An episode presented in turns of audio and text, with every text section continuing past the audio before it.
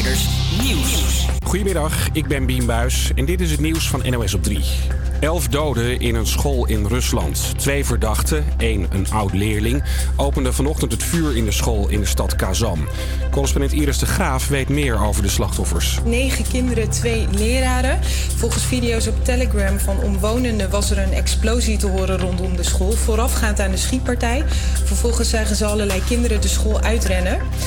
Um, 32 mensen zijn gewond geraakt, waaronder veel kinderen. En we weten dat er zeker vier kinderen op dit moment met schotwonden op de intensive care liggen. Eén verdachte van 17 is opgepakt, de ander is door agenten doodgeschoten. Waarom ze het deden is nog niet bekend. Bij een schietpartij gisteravond bij een metrostation in Amsterdam is een kind van twee gewond geraakt. In de Bijlmer bij Halte Kraaienest zou zijn geschoten.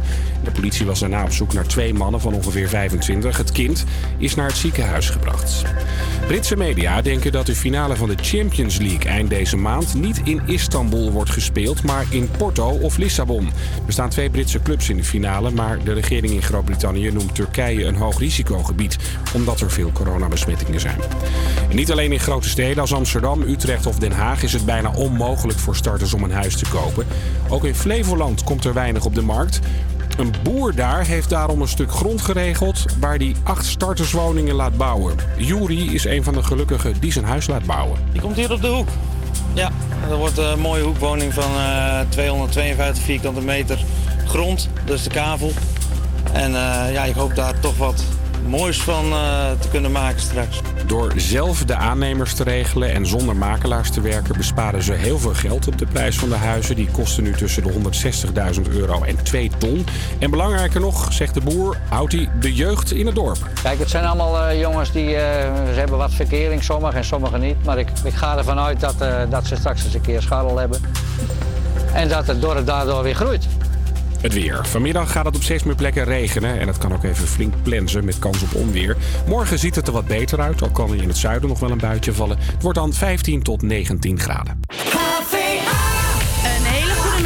Het is 2 over 12 en leuk dat je luistert naar HVA Campus Creators hier op Radio Salto. Ik ben Danielle, jullie presentatrice van vandaag. Iris is mijn sidekick en we hebben onze jarige van vandaag, Daan, achter de knoppen. 9 mei was het Europadag en daarom is het bij ons de Europa Week. We spreken het eerste uur Henk Oonk, voorzitter van NEOS.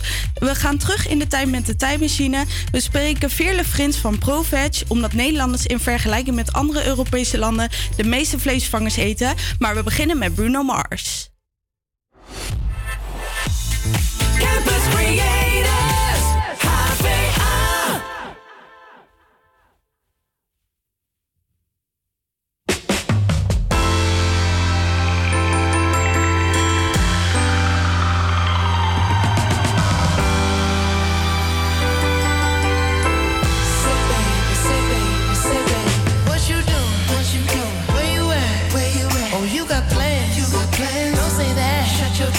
sipping wine. Sip, sip. In a robe. I look too good. Look too good to be alone. My house clean. House clean. My pool warm. Pool warm. Just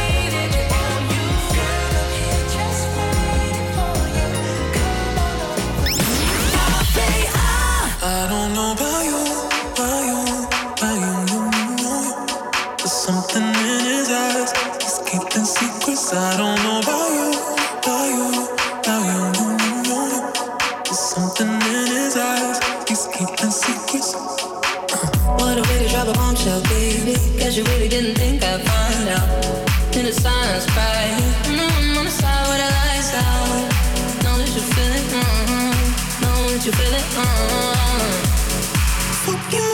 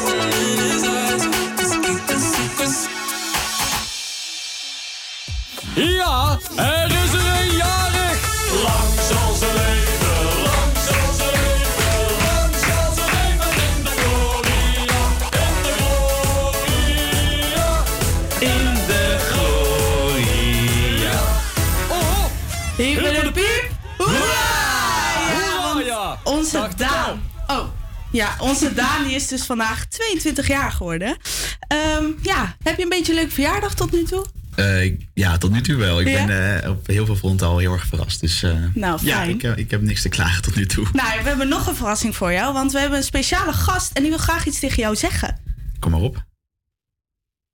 Hallo? Ja, eh, goedemiddag Daan. Hier is je vader. Dat dacht ik al. Uit uh, de Lier. Van harte gefeliciteerd, jongen. Ja, nee, ja, dankjewel. Het is zijn verjaardag. En eh, ik wilde je even verrassen in Amsterdam tijdens de live-uitzending. En eh, ja, ik heb ook een eh, speciaal nummer voor je aangevraagd. Op deze bijzondere dag. En dat gaan jullie zo draaien. En dat is School van Supertramp. Toepasselijker kan het niet. Nee. Dagen. Nou, ik En, pop hartstikke lief van je. Een hele Dankjewel. fijne dag. Een hele fijne uitzending. Gaat lukken. En we spreken elkaar. Succes op het werk en we houden contact. Ja. Hey. Hou van je pap, dankjewel. Jo, hoi hoi.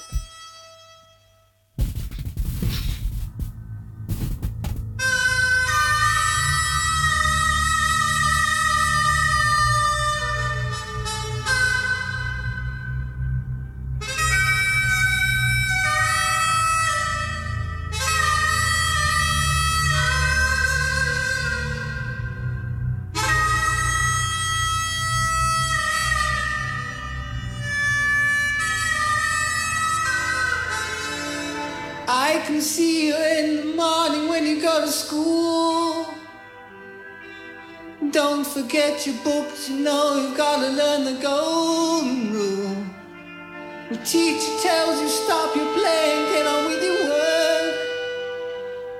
And be like Johnny Too Good.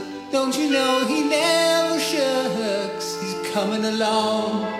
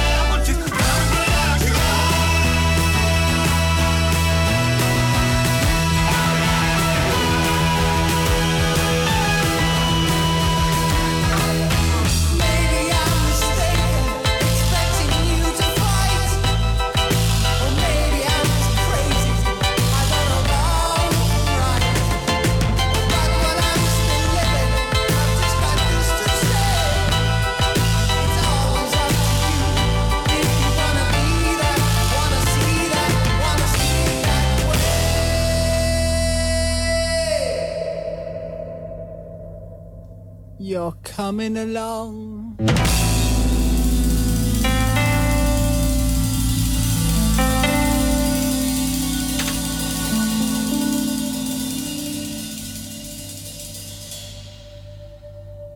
In de huidige tijd zijn we getuigen van veel ontwikkelingen en uitdagingen in Europa en in de wereld. Het Netwerk voor Europa en Internationale Oriëntatie in Onderwijs, ook wel NEOS genoemd, bestaat met diverse activiteiten. Oh, besteedt met diverse activiteiten aandacht aan belangrijke aspecten van deze Europese en internationale ontwikkelingen. Aan de telefoon hebben wij voorzitter van NIOS, Henk Oonk. Welkom Henk. Ja, goedemiddag. Ehm, wat doet jullie organisatie precies? Nou, wij eh, zijn dus specifiek eh, zijn wij aan het werk voor eh, met name in eerste plaats onderwijs. Hè, dat betreft dus basisonderwijs en voortgezet onderwijs, middelbaar beroepsonderwijs, et cetera. En daarnaast ook voor andere mensen, gewoon belangstellende burgers in, in onze samenleving. En wij hebben een, eh, als eerste, kunnen, kan ik zeggen dat wij een, een, een mooie website hebben. En die, die kan men bereiken via nijos.nl. En op die website, daar staan onze bezigheden, die zal ik nu kort samenvatten. Wij eh, maken onderwijsmateriaal voor scholen. Dat zijn dus achtergrondinformatie voor docenten en ook leerlingenmaterialen. Wij geven publicaties uit. En eh, de aanleiding, denk ik, voor deze uitzending was dat wij in Alkmaar afgelopen zondag bij de Dag van Europa een, eh, een publicatie hebben gelanceerd. Met als, met als titel Behoud EU vereist realiteitszin. En voor de geïnteresseerden, die kunnen die publicatie ook via die website bestellen. Wij, maken, eh, wij houden ook lezingen in, in bibliotheken, in, in diverse plaatsen in het land. En, en dat met elkaar is, zijn, zijn onze bezigheden. Oké, want eh, ja, jullie proberen dus ehm, scholen zeg maar eh, lesmateriaal te geven. Waar, wat zijn de doelen van NIOS precies? Nou, de doel is dus, eh, is, is in feite, of het doel is dat wij willen proberen, dat, of wat, dat, wat vinden we van belang, dat, dat men in het onderwijs en ook in de samenleving beter op de hoogte is van de Europese ontwikkeling. En dat moet in het onderwijs natuurlijk via, via de docent. En, eh, en die docent die heeft natuurlijk lessen, dus dan moet je je voorstellen, dat zijn, dus, dat zijn de leraren maatschappijleer en, en de leraar economie, en, eh, geschiedenis en aardrijkskunde, maar ook klassieke talen en, en andere talen. En via die leerlingen eh, hebben de, komen de leerlingen op de hoogte hè, van belangrijke onderwerpen. Zoals de Europese verkiezingen bijvoorbeeld voor, vorig jaar. Het was natuurlijk een, eh, een belangrijke gebeurtenis. En uh, daar wordt dan vaak in scholen aandacht aan besteed. En daar maken wij dan materiaal voor. Ja, want vinden jullie dat er uh, te weinig aandacht wordt besteed aan deze onderwerpen? Wij, wij vinden eigenlijk dat er te weinig aandacht wordt besteed. Er zijn natuurlijk scholen die daar, die daar zeker iets aan doen. Maar dat zou toch nog wel iets beter kunnen. En uh, nou ja, goed, dan is natuurlijk, in, ik ben misschien nog vergeten te zeggen, dat die leerlingen, dat materiaal, maar er zijn natuurlijk ook op scholen worden er ook leerlingenuitwisselingen georganiseerd. He, dat is voor leerlingen dus heel interessant en leuk. Dat gebeurt al tientallen jaren. En dat zijn dus uitwisselingen van leerlingen met scholen in andere EU-landen. Nou, dat vinden ze. En dan gaan ze op bezoek in die landen. Ze logeren bij de ouders meestal. En dan komen ook die leerlingen uit een ander land, bijvoorbeeld Italië, weer terug in Nederland. En dat zijn dus wel ervaringen die voor leerlingen heel boeiend zijn naast het meer cognitieve, wat ook van belang is. Ja, en zo proberen jullie jongeren uh, bewust ja. te maken van het belang van Europa, zeg maar, door ja, onder kijk, andere... Uh, Europa, wij zijn natuurlijk een, uh, ja, wij zijn een lidstaat van de Europese Unie. En er worden natuurlijk in Brussel allerlei besluiten genomen. Hè? En die besluiten raken ons natuurlijk ook. En ook andere landen. Dus het is toch wel van belang dat je niet alleen iets over Nederland weet... en hoe dat, hoe dat georganiseerd is hè, met, met ons parlement en, en, en de regering, maar ook hoe het in Brussel is georganiseerd. En dat is in wezen in Brussel iets ingewikkelder dan in Nederland of andere landen. Ja, oké. Okay. Uh, dat ja. proberen wij uit te leggen. En dat is uh, via materiaal wat ik al zei, maar het is natuurlijk ook leuk als je dat gewoon fysiek, alleen dat kon het laatste anderhalf jaar natuurlijk niet, fysiek met mensen kunt, uh, kunt bespreken en over kunt discussiëren. Ja. Dus zodra het weer kan, uh, gaat u weer voor de uitwisselingen? Ja, nou ja, zodra het kan gaan wij weer dus ook lezingen geven. Uh, kijk, de lezing die we afgelopen zondag hebben gehouden, dat was, dat was voor, de, voor de medewerkers van het boekproject. En, en, en op afstand dus, via, via Zoom. Ja, dat, dat, dat kan en dat is ook mogelijk natuurlijk technisch. Maar ja, het is natuurlijk toch leuker als je gewoon in die bibliotheek een, een, een aantal van, van 40 of 50 uh, deelnemers hebt met wie je ook kunt discussiëren ter plekke. Dat is natuurlijk het leukste. Ja. Dat is net als met een concert of met een theater. Dat is ook leuk als, als het publiek is. Ja, precies. En dat gaan we straks weer starten als het allemaal mogelijk is. Oké. Okay. Ehm, ja, en dan tot slot, u zei het net al een beetje. Afgelopen zondag hebben jullie in Alkmaar een nieuw boek uitgebracht. Eh, kunt u daar iets meer over vertellen? Ja, dat boek dat eh, is dus bedoeld om, om ook in, in wat, ik, wat ik net vertelde, om, om ook hier het publiek, scholen en andere mensen op de hoogte te brengen van de ontwikkelingen. En bijvoorbeeld eh, gedachten over gedachten over hoe moet de Europese Unie zich gaan vormgeven. Dat heeft ook te maken met die conferentie die, misschien heb je erover gelezen, de Europese Unie is een conferentie gestart. Gestart, ja wil zeggen, dat is natuurlijk allemaal digitaal. Hè, over wat de toekomst is van de Europese Unie. Hoe, moet, hoe moet dat georganiseerd worden? Moet, hoe moet de verhouding zijn, dat is heel belangrijk, wordt ook in het boek beschreven, de verhouding zijn tussen de lidstaten en de Europese Unie in Brussel. Wat is daar de verhouding? En moeten lidstaten, eh, ja, moeten die misschien versterkt worden? Of moet de Europese Unie versterkt worden? Dat staat onder meer in dat boek en er staat ook een hoofdstuk in over de interne markt. Eh, Kijk, de interne markt wordt meestal uh, minder besproken in, in de media, maar het is eigenlijk het hart van de Europese Unie. Hè? Want de interne markt, dat is gewoon een hele grote markt waar men vrijelijk kan opereren hè, met personen en diensten en materialen. Dat staat in het boek en dan een hoofdstuk over de euro, een hoofdstuk over het klimaat, de Green Deal. En ook over de corona-ontwikkelingen, waar ook de Europese Unie natuurlijk een rol speelt. En tenslotte daar nog een hoofdstuk in over uh, hoe je Europese onderwerpen in de school behandelt. En dat staat in dat boek. En dat uh, kan men dus aanschaffen. Oké, okay, helemaal goed. Um, ja, Henk, heel erg bedankt. Ik heb nog één laatste vraag. Uh, want Europa is natuurlijk best een saai onderwerp. Tenminste, ja. dat zullen veel mensen denken. Ja, hoe, dat is zeker saai. Ja. Hoe maak je dat dan aantrekkelijk voor jongeren? Nou, het aantrekkelijke is wel voor jongeren natuurlijk... dat er ook dus behalve deze wellicht saaie benaderingen van, hè, van hoe, hoe het werkt en hoe ingewikkeld het allemaal is. Dat er dus ook op die scholen dus de, de, de praktische uitwisselingen zijn. Dat is eigenlijk een mooie combinatie. Je zou zeggen als je nou een, het, saaie, het, saaie, het saaie lesstof een beetje combineert met een, met een leerlingenuitwisseling of, of een contact van leerlingen via online, dat kan natuurlijk ook. Met leerlingen in andere landen. Dat is natuurlijk voor leerlingen heel, heel interessant en ook veel aantrekkelijker natuurlijk. Dat vinden ze ook allemaal heel leuk. En dat gebeurt al heel lang. En daar zou je, daar zou je als het ware die zogenaamde saaie lesstof een beetje aan kunnen koppelen. Hè, dan, dan wordt het toch voor leerlingen nog leuker. Ja, dus interactie in Europa is eigenlijk uh, ook een groot onderdeel van de lesstof. Dat is wel belangrijk. Ja, dat is wel heel belangrijk, want anders wordt het wel heel, heel afstandelijk natuurlijk. Hè? Dus dat, uh, die combinatie is natuurlijk het mooiste. En dat kan tegenwoordig ook, nou ja, via internet kun je natuurlijk ook allerlei uh, online contacten hebben. Je hoeft niet altijd fysiek naar Frankrijk of Spanje of Italië te reizen. Alhoewel de leerlingen dat natuurlijk wel leuk vinden, dat snap je. Ja, oké. Okay. Henk, heel erg bedankt voor het interessante gesprek. Uh, voor meer informatie kunnen mensen dus kijken op nijos.nl. Ja. Um, ja, en wij... dan kunnen ze ook het boek bestellen als ze dat willen. Oké, okay. ja, helemaal goed. Ja. En wij gaan verder met muziek. Dit is Regard met Secrets.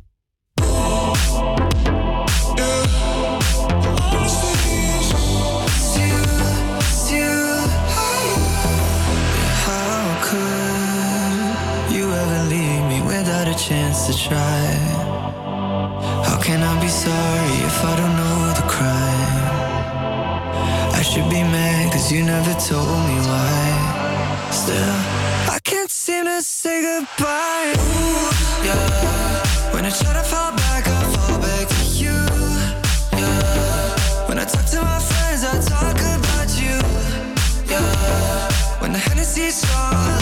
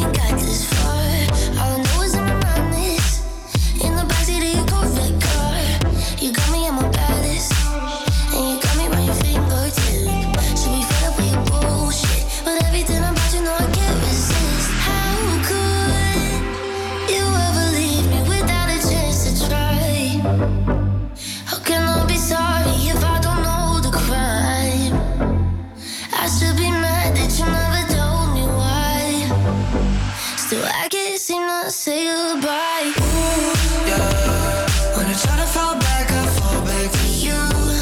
Yeah. When I talk to my friends, I talk about you. Yeah. When the jealousy's strong,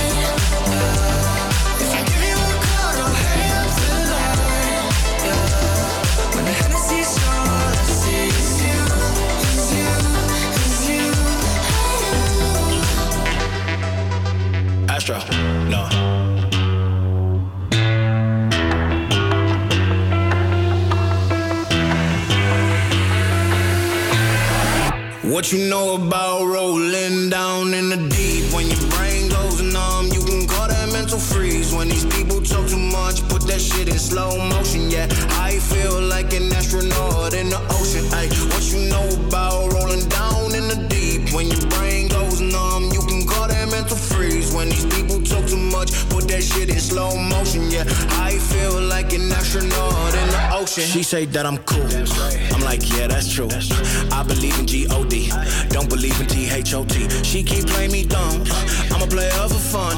Y'all don't really know my mental. Let me give you the picture like stencil. Falling out in a drought. No flow rain wasn't pouring down. See that pain was all around. See my mode was kinda lounge. Didn't know which which way to turn. Flow was cool, but I still felt burned. Energy up, you can feel my surge. I'ma kill everything like this purge.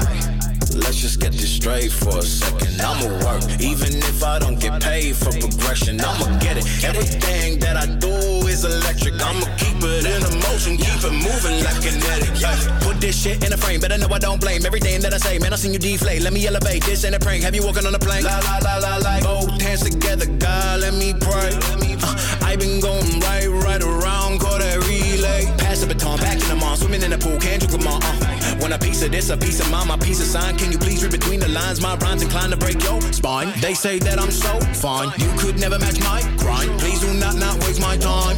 What you know about rolling down in the deep? When your brain goes numb, you can call that mental freeze. When these people talk too much, put that shit in slow motion. Yeah, I feel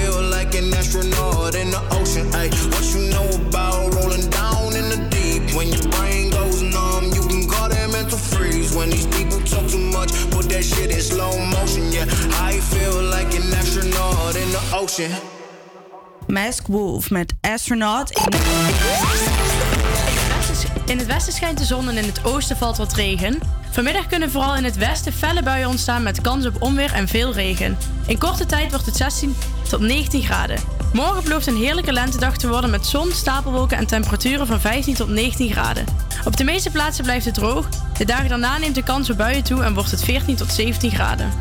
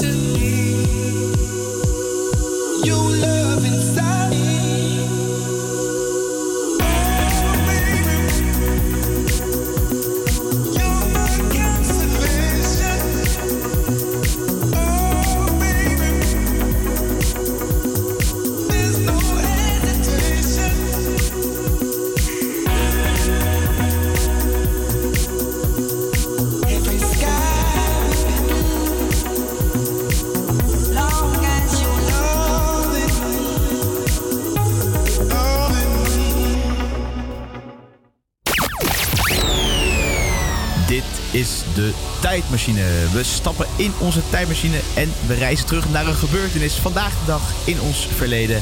En vandaag reizen we af naar 11 mei 1940. Op zaterdag 11 mei 1940 vielen vier Briesambommen in het centrum van Amsterdam. Er belanden er drie in het water van de Herengracht en de Blauwburgwal. De vierde bom ontplofte op de straat, met 44 dodelijke slachtoffers en 79 gewonden tot gevolg. Lange tijd was er weinig over deze tragische gebeurtenis bekend. Laat staan dat duidelijk was wie de slachtoffers waren. Dominee Grenda legt dit uit.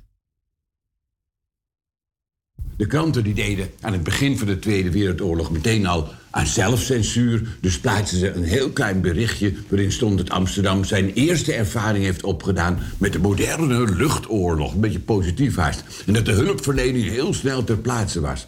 De bedoeling voor de Duitsers was waarschijnlijk om het postkantoor te bombarderen, want daar zaten de officiële mensen allemaal. Maar ze misten en de bommen kwamen op de Blauwburgwal terecht. 44 doden. Ongeveer evenveel doden als bij de Bijlmerramp. In, in de oorlog werd het bombardement al min of meer verzwegen, maar op, opmerkelijk genoeg ook na de oorlog. En daardoor voelden de nabestaanden zich in de steek gelaten. Nooit een herdenking, nooit een vermelding. Het bombardement werd gewoon weggemoffeld. Ja, nu pas, 11, eh, afgelopen 11 mei, is er een herdenking geweest. Daarom besloot Fred Geukens Foppe er een boek over te schrijven. Bommen op de Blauwburgbal, om zo, om zo ook deze gebeurtenis goed te herinneren.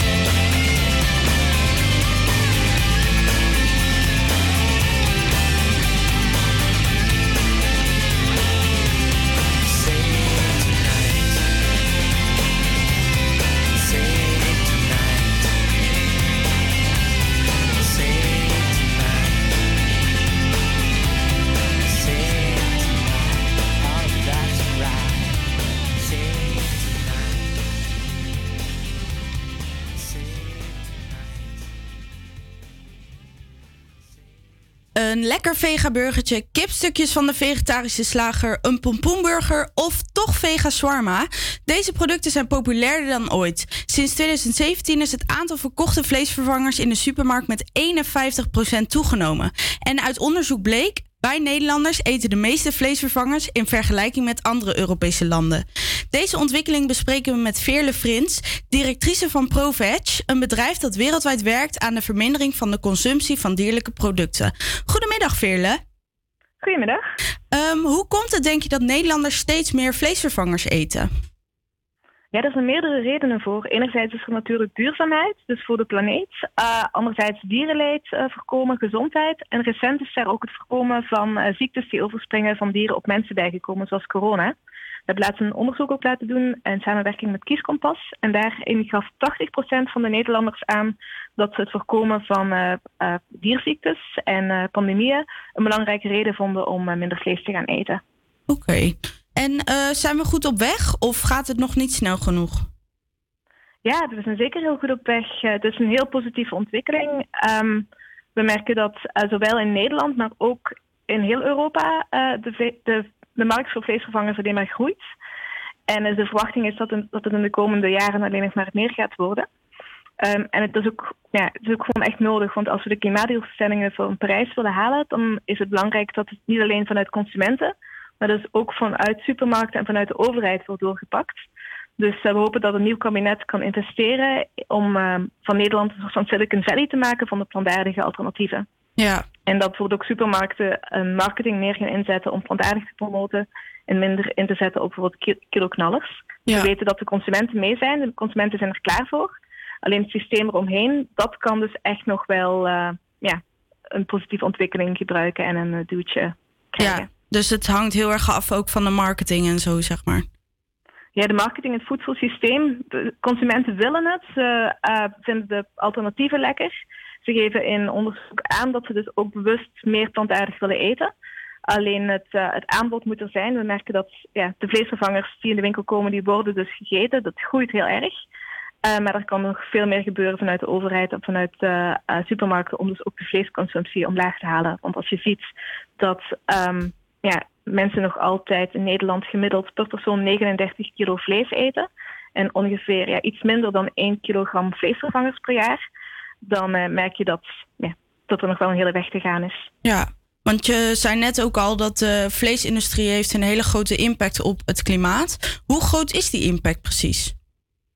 Nou, als je kijkt naar eh, de hele voedselindustrie, dat is ongeveer een derde van eh, de, ja, de CO2-equivalent, de broeikasgassen die uit de voedselindustrie komen. En de helft daarvan is direct te herleiden naar de vee-industrie, dus dierlijke producten, eh, vlees en zuivel.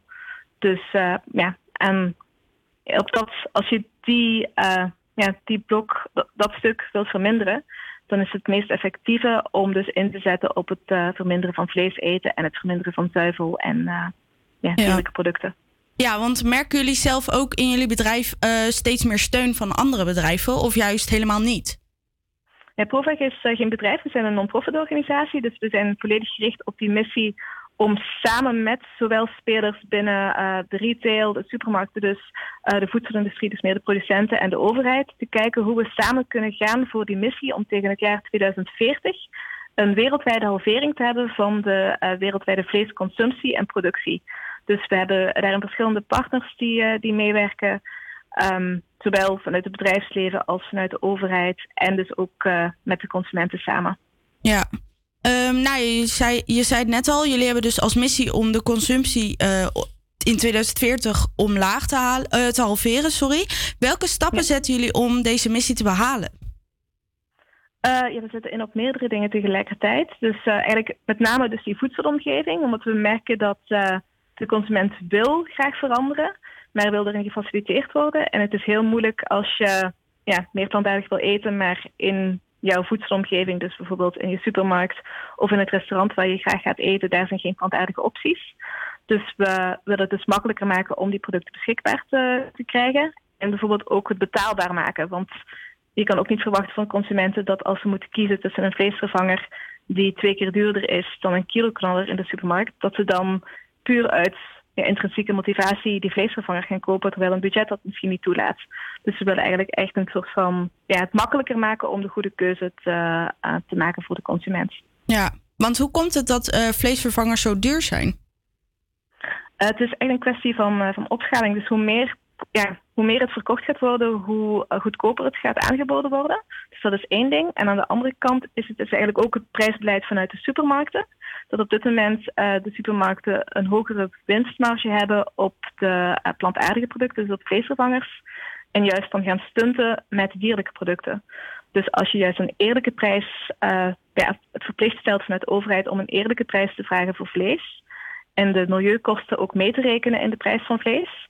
Zodat er, eh, dan, kunnen, dan kunnen de prijzen voor de, dierlijke product, voor de plantaardige producten goedkoper worden.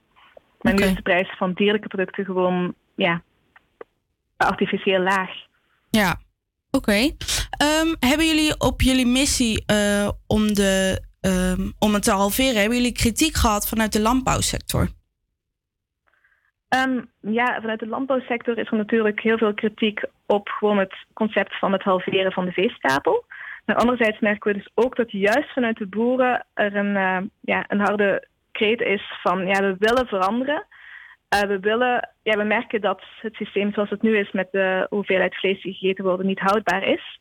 Dus eh, zij vragen ook vanuit de overheid van ja, als wij op termijn moeten omschakelen, en waarschijnlijk gaat dat op korte termijn zijn, we willen met bijvoorbeeld een melkbedrijf eh, overgaan naar het produceren van peulvruchten die plantaardige melk kunnen produceren, dan moet, er, dan moet die innovatie gestimuleerd worden vanuit, eh, ja, vanuit de overheid. Er moeten daar subsidies komen om die boeren die dus moeten stoppen met de dierlijke, de switch te laten maken. En als die steunmaatregelen er niet zijn, dan is het natuurlijk ja, dramatisch voor de boeren dat ze ja, geen kans hebben om die overschakeling te maken. En dan zijn zij er dupe van. En dat willen wij dus vanuit Proveg ook niet. We willen juist ook die boeren en die landbouwsector mee- meenemen. Om tot een duurzaam voedselsysteem te komen. Dus de toekomst van de vleesvervangers hangt eigenlijk ook heel erg af van de input van de overheid. Ja, ja dus eh, we zitten nu echt op een soort van kantelpunt. Ehm, er is ook voorspeld dat peak meat, dus dat is eh, het, ja, de piek van de vleesconsumptie, dat die eh, in zicht is, of misschien zelfs al geweest is dit jaar. Dus het gaat alleen maar dalen. Dus nu is het eigenlijk de rol van de overheid en van grote retailers om daarop in te spelen en dat in een versnelling te brengen. Ja. Want de consument is dus klaar voor Oké. verandering. Dus het kan eigenlijk alleen maar beter worden vanaf hier. Ja, ja, zeker. Alleen de vraag is van ja, hoe snel gaat het gaan? Want we hebben natuurlijk eh, voor het klimaat niet heel veel tijd meer. Nee. Dus eh, ja, met we dat duwen dat het zeker tegen, tegen 2040 een halvering eh, bewerkstelligd kan worden. Oké. Nou, heel erg bedankt voor je tijd. ja, graag gedaan. Wij spraken Veerle Frins, directrice van ProVeg. En hier is Billie Eilish met Your Power.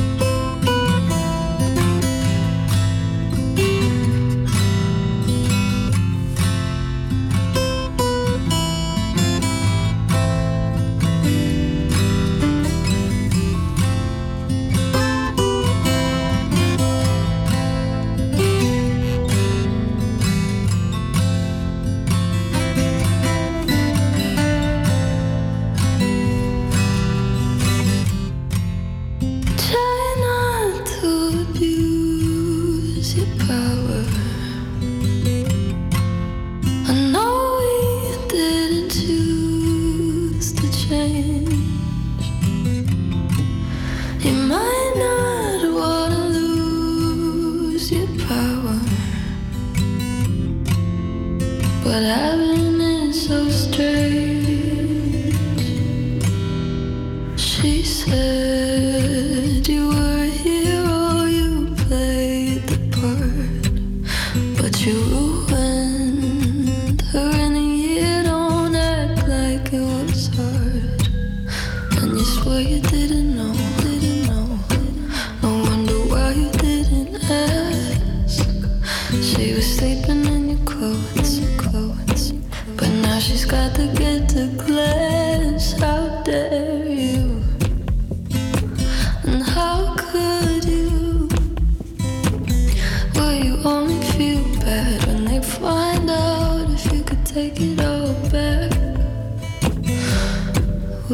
do.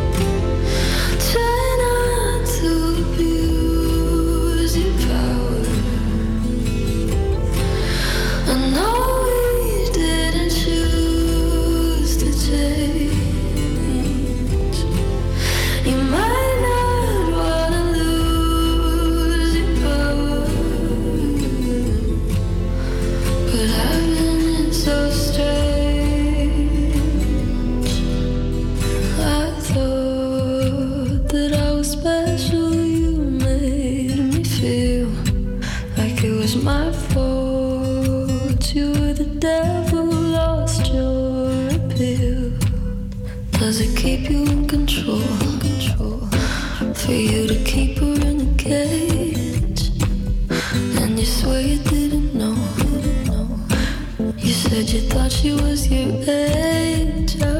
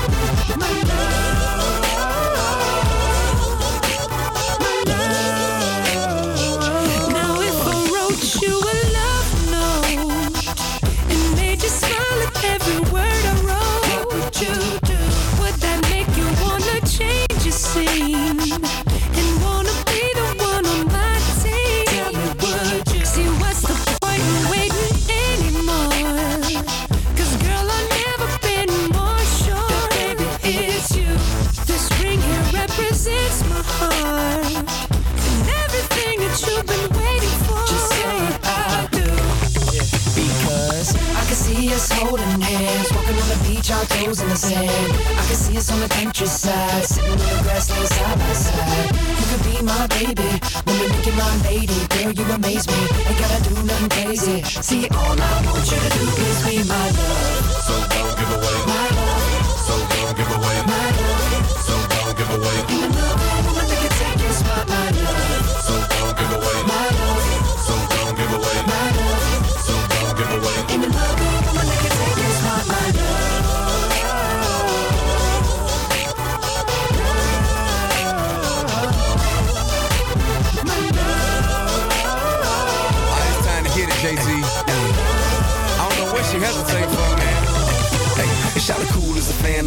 once again, but he still has fan from Peru to Japan. Hey, listen, baby, I don't wanna ruin your plan, but if you got a man, try to lose him if you can. Cause the girls worldwide throw their hands up high when they wanna come and kick it with a stand-up guy. And you don't really wanna let the chance go by, cause you ain't been seen with a man so fly. Baby, friend so fly, I can't go fly. Private cause I handle my B.I. They call me Candle Guy. Simply cause I am. I hate to have to cancel my vacation, so you can't deny. I'm patient, but I ain't gon' try.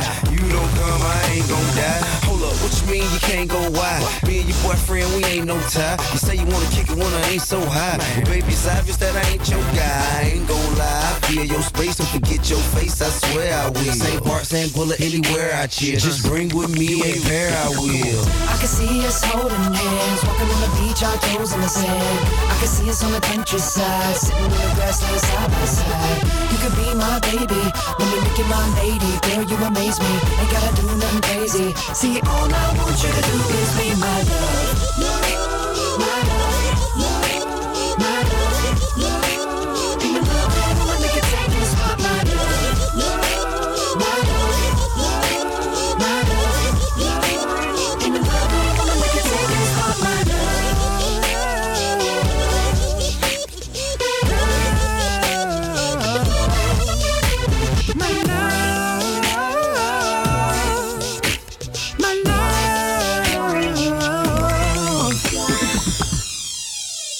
9 mei was het Europadag en daarom is het bij ons de hele week Europa Week. Met Europa als thema ging Danielle de straat op aan jullie Amsterdammers weer wat lastige dilemma's voor te leggen. Gaat u liever binnen of buiten Europa op vakantie? Eh, vaker binnen. En waarom binnen? Heeft daar een speciale reden voor? Nee, ik ga graag naar Italië. Maar... Ja, ik ga meestal naar Turkije. Oké. Ja, of dan te zeggen dat het liefst is. Oké. Kijk, liefst eh, Brazilië. Lijkt me bijvoorbeeld hartstikke leuk. Of andere exotische bestemmingen. En waarom Brazilië? Waarom niet? Lekker weer. Ja, bijvoorbeeld. Gezellige carnaval. buiten Europa. Eh, andere cultuur, andere lekker weer. En heeft u dan nog een favoriete bestemming waar u graag heen gaat? Eh, Nepal. En wat is er zo bijzonder aan Nepal? Waarom trekt het u zo? Eh, de afwisseling, grote ruige natuur. En, ehm, maar ook tropisch regenwoud of tropische neushoorns en eh, tijgers. En de mensen zijn super vriendelijk en lekker eten. Vindt u dat Nederland bij elke noodsituatie in het buitenland militaire hulp moet sturen? Of juist helemaal nooit meer? Eh, dat hangt van de situatie af. En wat voor situaties zou je zeggen van nou, dan hoeft het niet? Ja, dat zijn natuurlijk altijd hele complexe situaties meestal. Dus om even heel snel een antwoord te geven is lastig. Maar eh, ja, eh, militaire interventies zijn soms op zijn plek, soms niet. Ja, dat is even heel simpel. Dat is mijn mening, ja. Zo, dan vraag je me wat op de vroege ochtend. Deze moeten altijd wel hulp sturen, maar in beperkte mate. Ja. Maar ik verwacht ook dat als er bij ons wat gebeurt, dat wij ook hulp krijgen. Dus ja, Ja, voor wat hoort wat, zeg maar. precies. APA Campus Creators Nieuws. Goedemiddag, ik ben Bien Buis en dit is het nieuws van NOS op 3. De man die in de buurt van de Haagse Hogeschool op mensen instak... heeft ook in hoger beroep TBS gekregen. Er was ook nog 12 jaar cel geëist tegen Malek F. Maar volgens het gerechtshof is hij volledig ontoerekeningsvatbaar... en dus is de straf alleen TBS met dwangverpleging. Hij stak drie jaar geleden op bevrijdingsdag in Den Haag... drie willekeurige mensen neer, die raakten zwaar gewond... en volgens de rechter zijn hun levens verwoest. Volgens het OM had Malek F. zware psychische problemen... en wilde wilde hij zich door de politie laten doodschieten. Vaccinfabrikant Pfizer betaalt nauwelijks belasting over coronavaccininkomsten. Volgens onderzoeksjournalisten van Follow the Money worden de miljarden verdiend... en die worden dan weggesluist via een kantoor in ons land. Ze hebben de afgelopen tien jaar, eh, heeft deze ja, brievenbus BV, zeg maar, eh, winsten gemaakt van tussen de 10 en 20 miljard dollar. En die winst, eh, is, ja, die winst is onbelast dus. Pfizer zegt zelf dat het bedrijf zich aan alle regels houdt. Nu mag het nog niet, maar toch zijn de Ziggo Dome en Avas Live in Amsterdam al druk bezig met het plannen, van twee grote feesten. Ze willen meteen los kunnen als de regering daarvoor groen licht geeft, meldt het parool. Om te vieren dat het leven dan weer een beetje normaal is. Celebrate Life moeten de feesten dan ook gaan heten. Veel Nederlanders staan in de rij bij tankstations in België. Automobilisten rijden er graag een stukje voorom, want nu de benzine zo duur is, kan het veel geld schelen.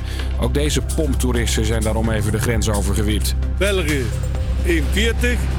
Holland 1,75.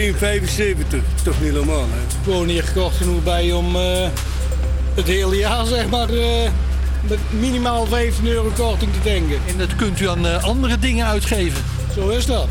Vorige week werd er een nieuwe recordprijs neergezet in ons land. Langs de snelweg betaalde je toen 1,89 euro en 18 cent. En dat was 3 tiende cent meer dan het oude record uit 2012. Het weer. Vanmiddag gaat het op steeds meer plekken regenen. Het kan ook even flink plensen met kans op onweer. Morgen dan ziet het er wat beter uit. Dan kan er in het zuiden nog wel een buitje vallen. Wordt dan 15 tot 19 graden. Het is 2 over 1 en leuk dat je nog steeds luistert naar Campus Creators hier op Radio Salto. Ondertussen is Rick bij ons aangeschoven in de studio. En zometeen hebben we een Europa-quiz, spreken we Wouter Zweers van Instituut Klingendaal en hebben we onze wekelijkse hit alert. Maar nu eerst Imagine Dragons met Follow You.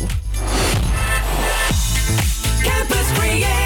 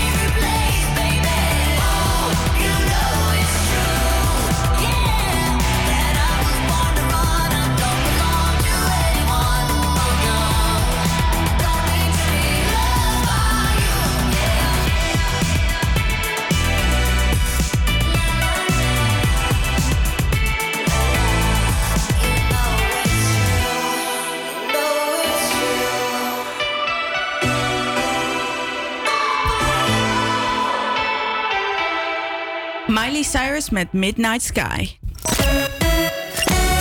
Ja, de hele uitzending staat in het teken van Europa. En daarom doen we nu een speciale Europa-quiz. En dat doen we met Matthijs, HVA-student. Goedemiddag, Matthijs. Goedemiddag. Goedemiddag. Goed Heel goed, heel goed. hey, we gaan een eh, Europese quiz doen. En hopelijk leer je er ondertussen ook nog wat van. Want we hebben verschillende feitjes op een rijtje gezet. En dan is het aan jou de taak Twee daarvan zijn goed en één is niet goed. En jij moet degene aanwijzen die niet goed is. Is goed. Oké, nou dan gaan we beginnen met nummer 1. A. 1 op de 10 mensen wordt op een bed verwerkt wat uit Zweden afkomstig is. De tweede. Sorry, kan je het herhalen? Ja hoor. 1 op de 10 mensen wordt op een bed verwekt wat uit Zweden afkomstig is. Dan is nummer 2. In IJsland leven geen muggen. Ja. En dan is 3. De meeste chocolade wordt verkocht in Antwerpen. Aan jou de taak om te raden welke fout is. Ik denk dat mm, Antwerpen fout is met chocola. Ja, en dat is helemaal goed. Kom aan. Dan gaan we door naar vraag nummer 2. Nou, nummer 1. De croissant komt van oorsprong uit Oostenrijk. Is dat nummer Ja. 2? Het oudste land van Europa is Duitsland. Of is dat nummer 3? Het hoogste toilet van Europa vind je op de Mont Blanc, waar zich op vier, eh, 4260 meter hoogte een toilet bevindt. Welke is fout? Maar is Duitsland fout. Dat klopt ook nog helemaal. Hey. Dan gaan we door naar de laatste. Wat zei je? Ben goed bezig. Ja, heel goed, ja. En dan gaan we door naar de laatste. 1. De bouw van de wereldberoemde Sagrada Familie-kathedraal in Barcelona neemt inmiddels langer in beslag dan de bouw van de Egyptische piramides. 2. Het officiële Twitter-account van Polen wordt elke week beheerd door een andere willekeurige geselecteerde inwoner. Of 3. Niet de Eiffeltoren of Big Ben, maar Disneyland Parijs trekt jaarlijks de meeste toeristen aan. Eh, dat denk ik de laatste. Nee, helaas. Het is antwoord B die fout is, want dat doen ze in Zweden. Ah. Maar je hebt Nou, het wel goed. supergoed gedaan. Je kennis is weer verrijkt. En je hebt twee van de drie goed, dus je mag een nummer kiezen. Had je er al één in gedachten? Ja, Boy in the Picture, Kid. Oké, nou dan gaan we die draaien. We wensen je nog een hele fijne dag en eh, tot de volgende keer. Hey, van hetzelfde. Joe. Joe. Hoi. What you have doesn't count. You've given your soul away.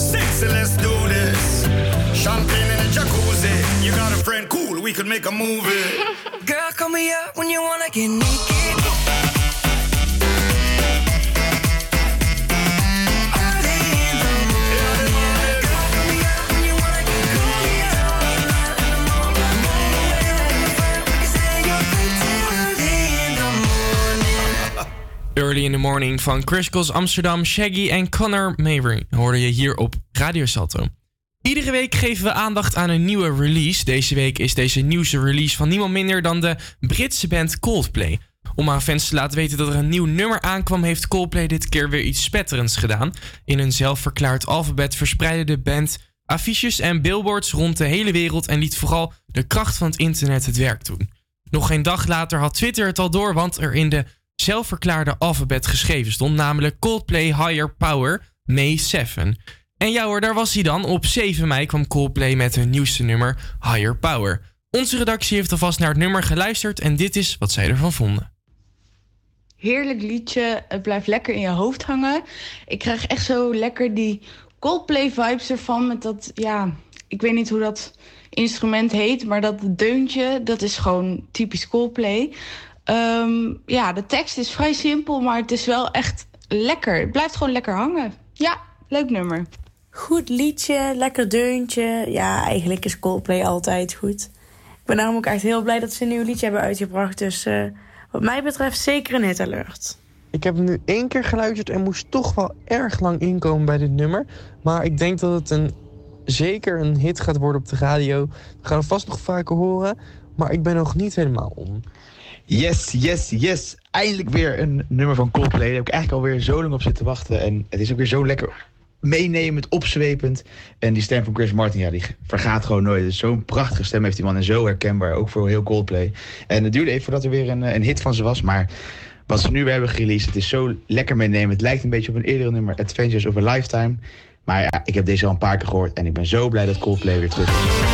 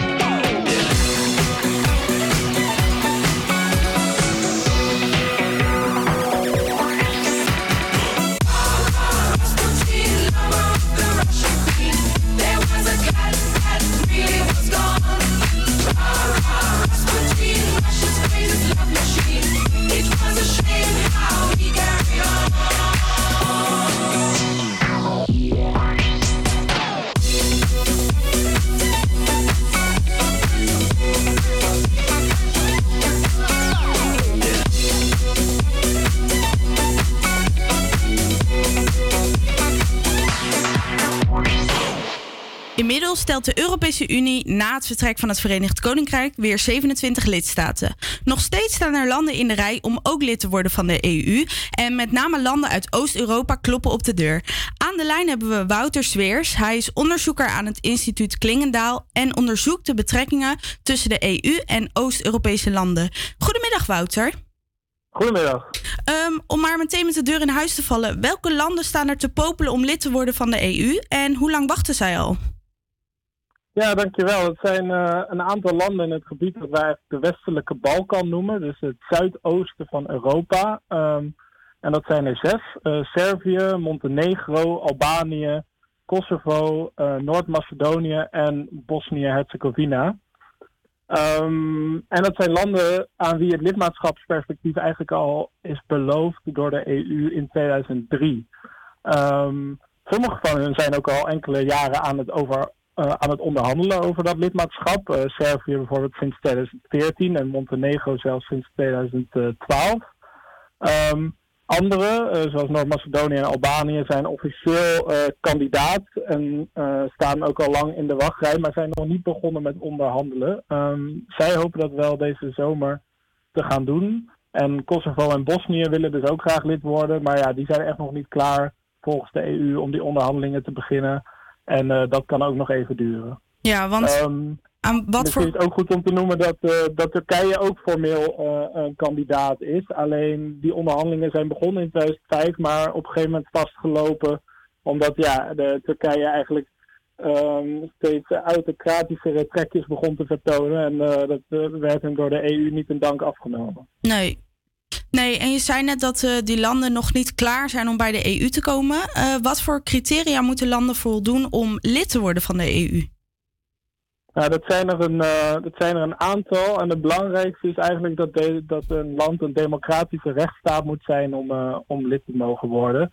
Dat betekent dat dat land vrije verkiezingen moet organiseren, dat er een onafhankelijke rechterlijke macht moet zijn, eh, dat er respect eh, moet zijn voor mensenrechten, voor minderheden en dergelijke.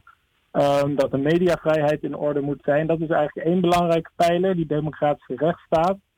Daarnaast ehm, moet een land een vrije markteconomie hebben.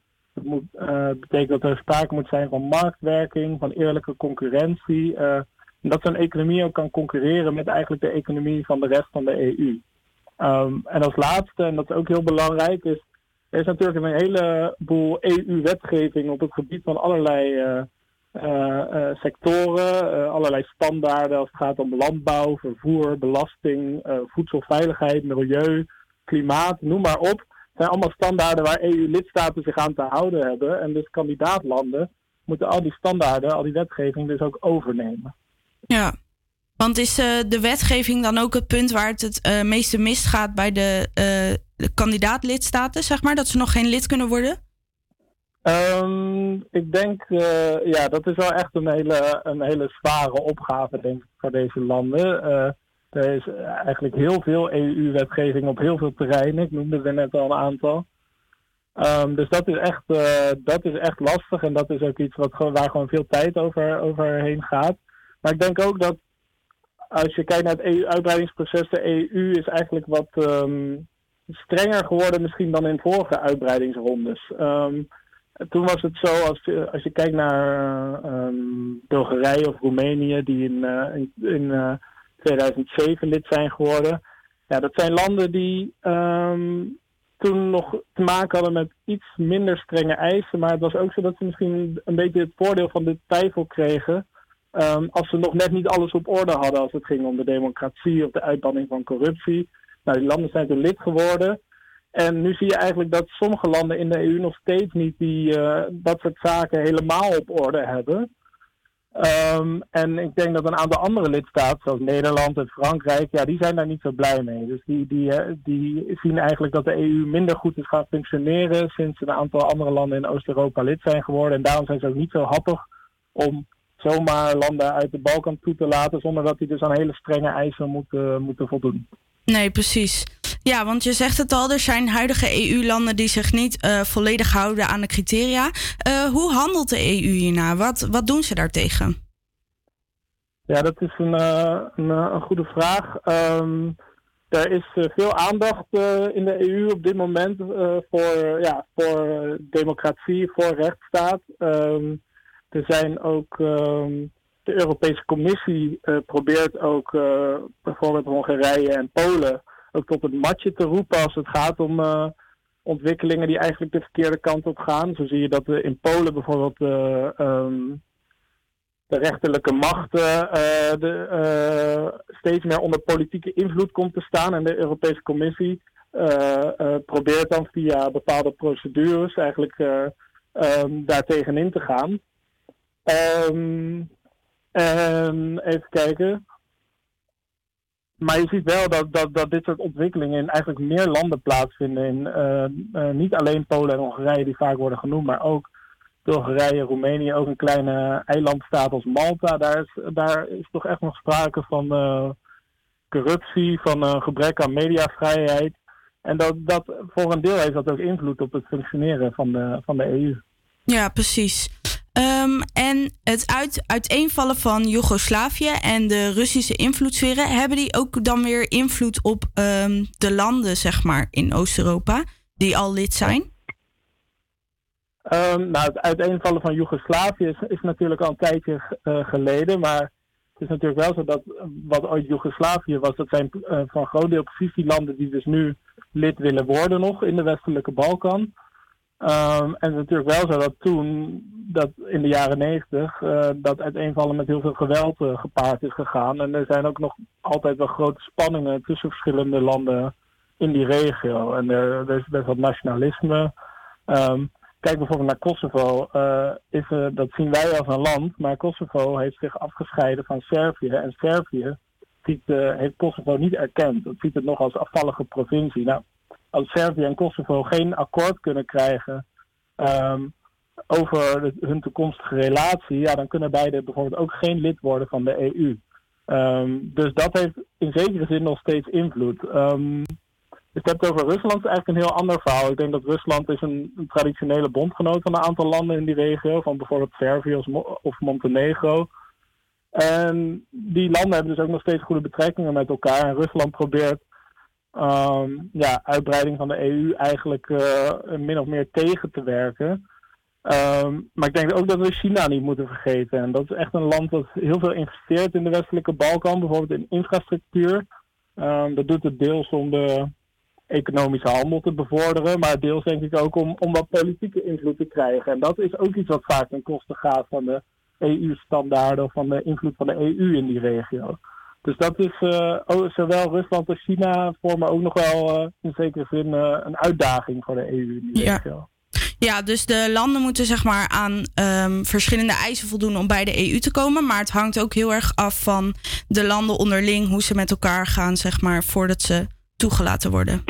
Ja, zeker. En ehm, omdat dus eh, dat uiteenvallen, van- uiteenvallen van Joegoslavië ehm, eh, al een hele tijd terug dus eh, met veel spanning en geweld gepaard is gegaan, is er voor deze landen, en dat was niet het geval voor landen die bijvoorbeeld 10, 15 jaar geleden lid zijn geworden, ehm, is er expliciete eis dat ze goede nabuurschapsrelaties moeten hebben, en dat ze goede samenwerking moeten hebben. Ja. Ja, oké.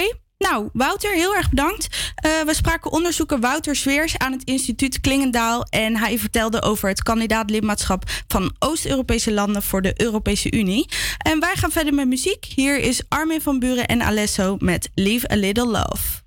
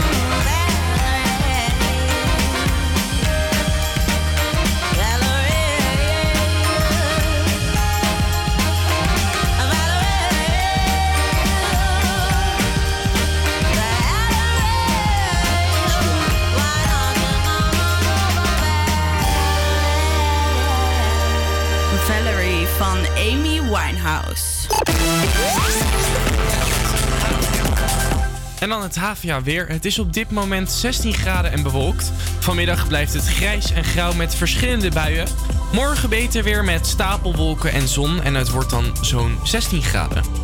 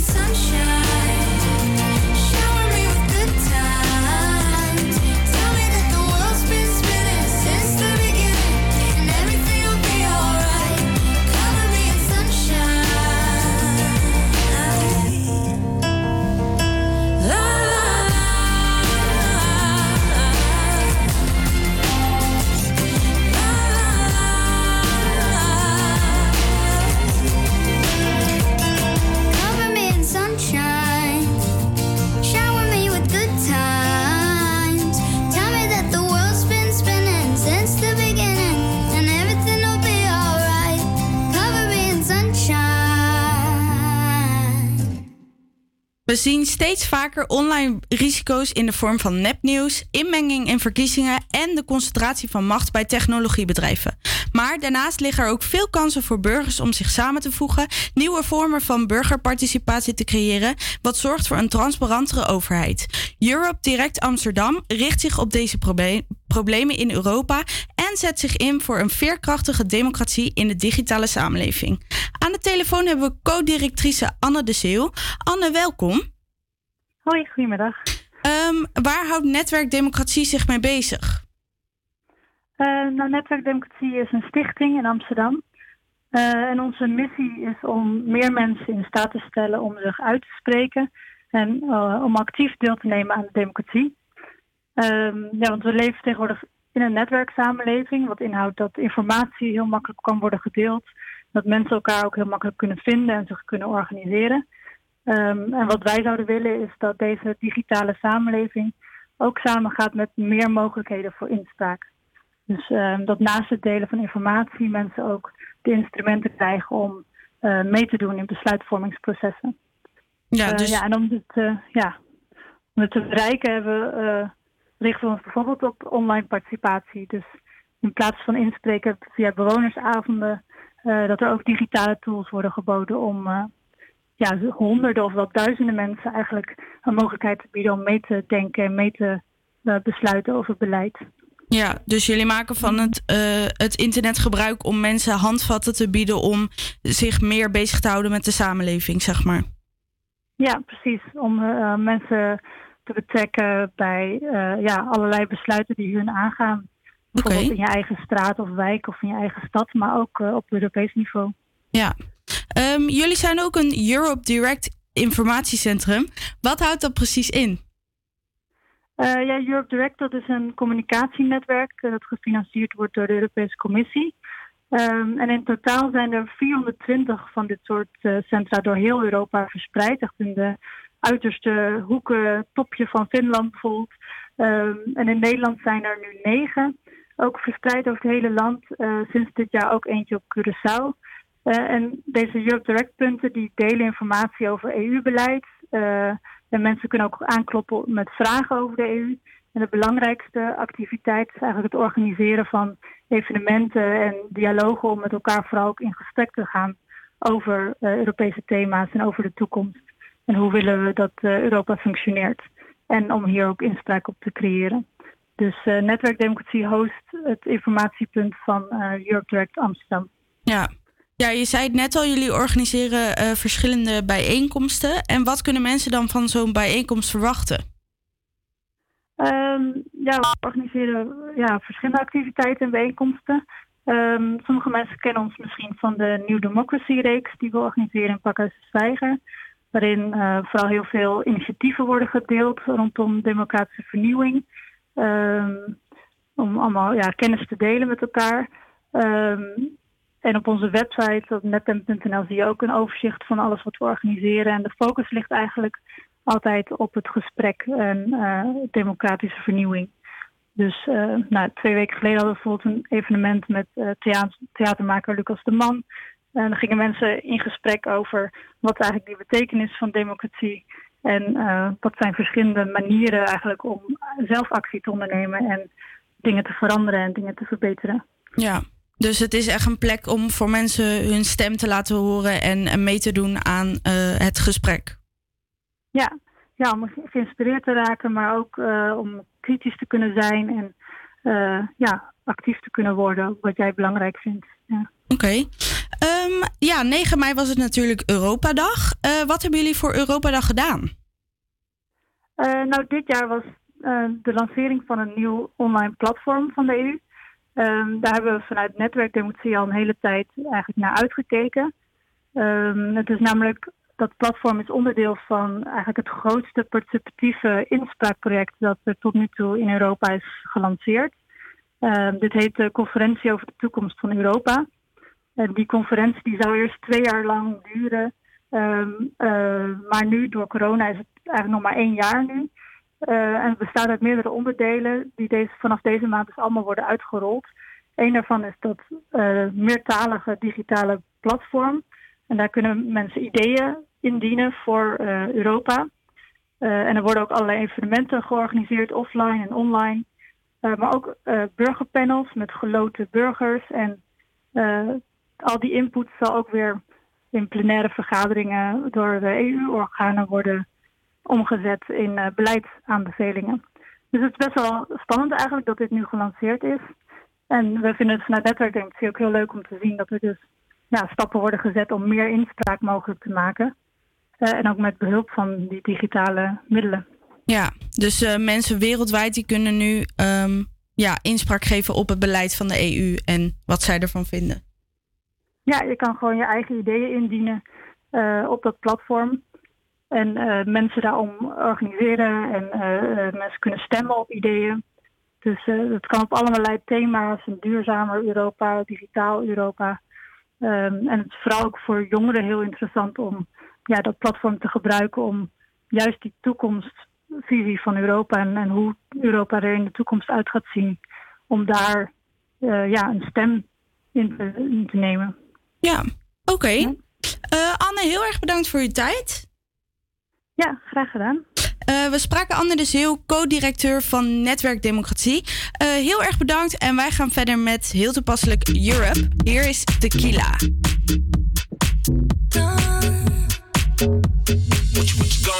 Tonight, if you take a photo, get my good side. Toasting to the future, tell them more life. No, no. If you want some drama, catch me outside. Let's not take it there. Oh, and the rape so serious. See me that's so serious. Why you look so serious? Hands up if you're feeling us. Ah. One shot, two shot, three shot, four shot. I think that you need some more shots. Wait, holla. Take it to the motherfucking dance floor. Tequila, la, la,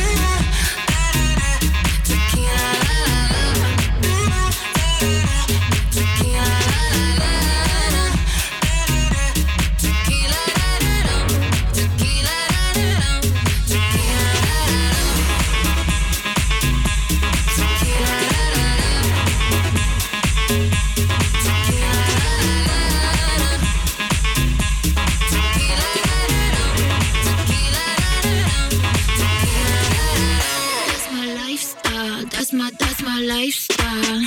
That's my lifestyle. That's my that's my lifestyle. Sipping while these people all up in my section.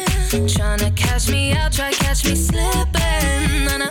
Not talking to you, boy, I'm lip syncing. To my favorite song. And the so serious. See me serious. Why you look so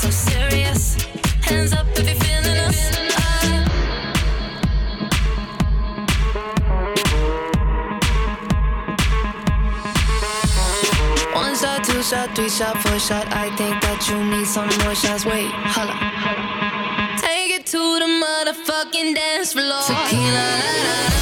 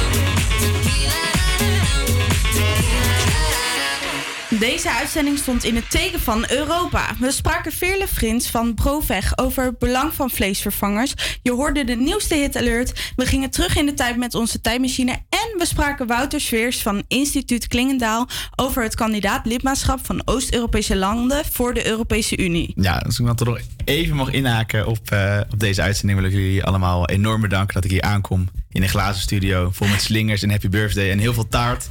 Eh, Ook Jaap, als je meeluistert, bedankt voor de taart.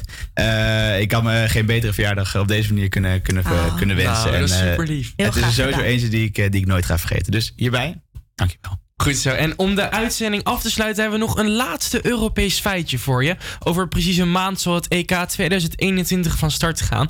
En bij elk EK hoort er een nummer. Dit jaar maakt Martin Garrix het nummer en over drie dagen wordt het gereleased. Maar in 2016 was het de beurt aan Sarah Larson met David Guetta. Je hoort hem hier. This one's for you.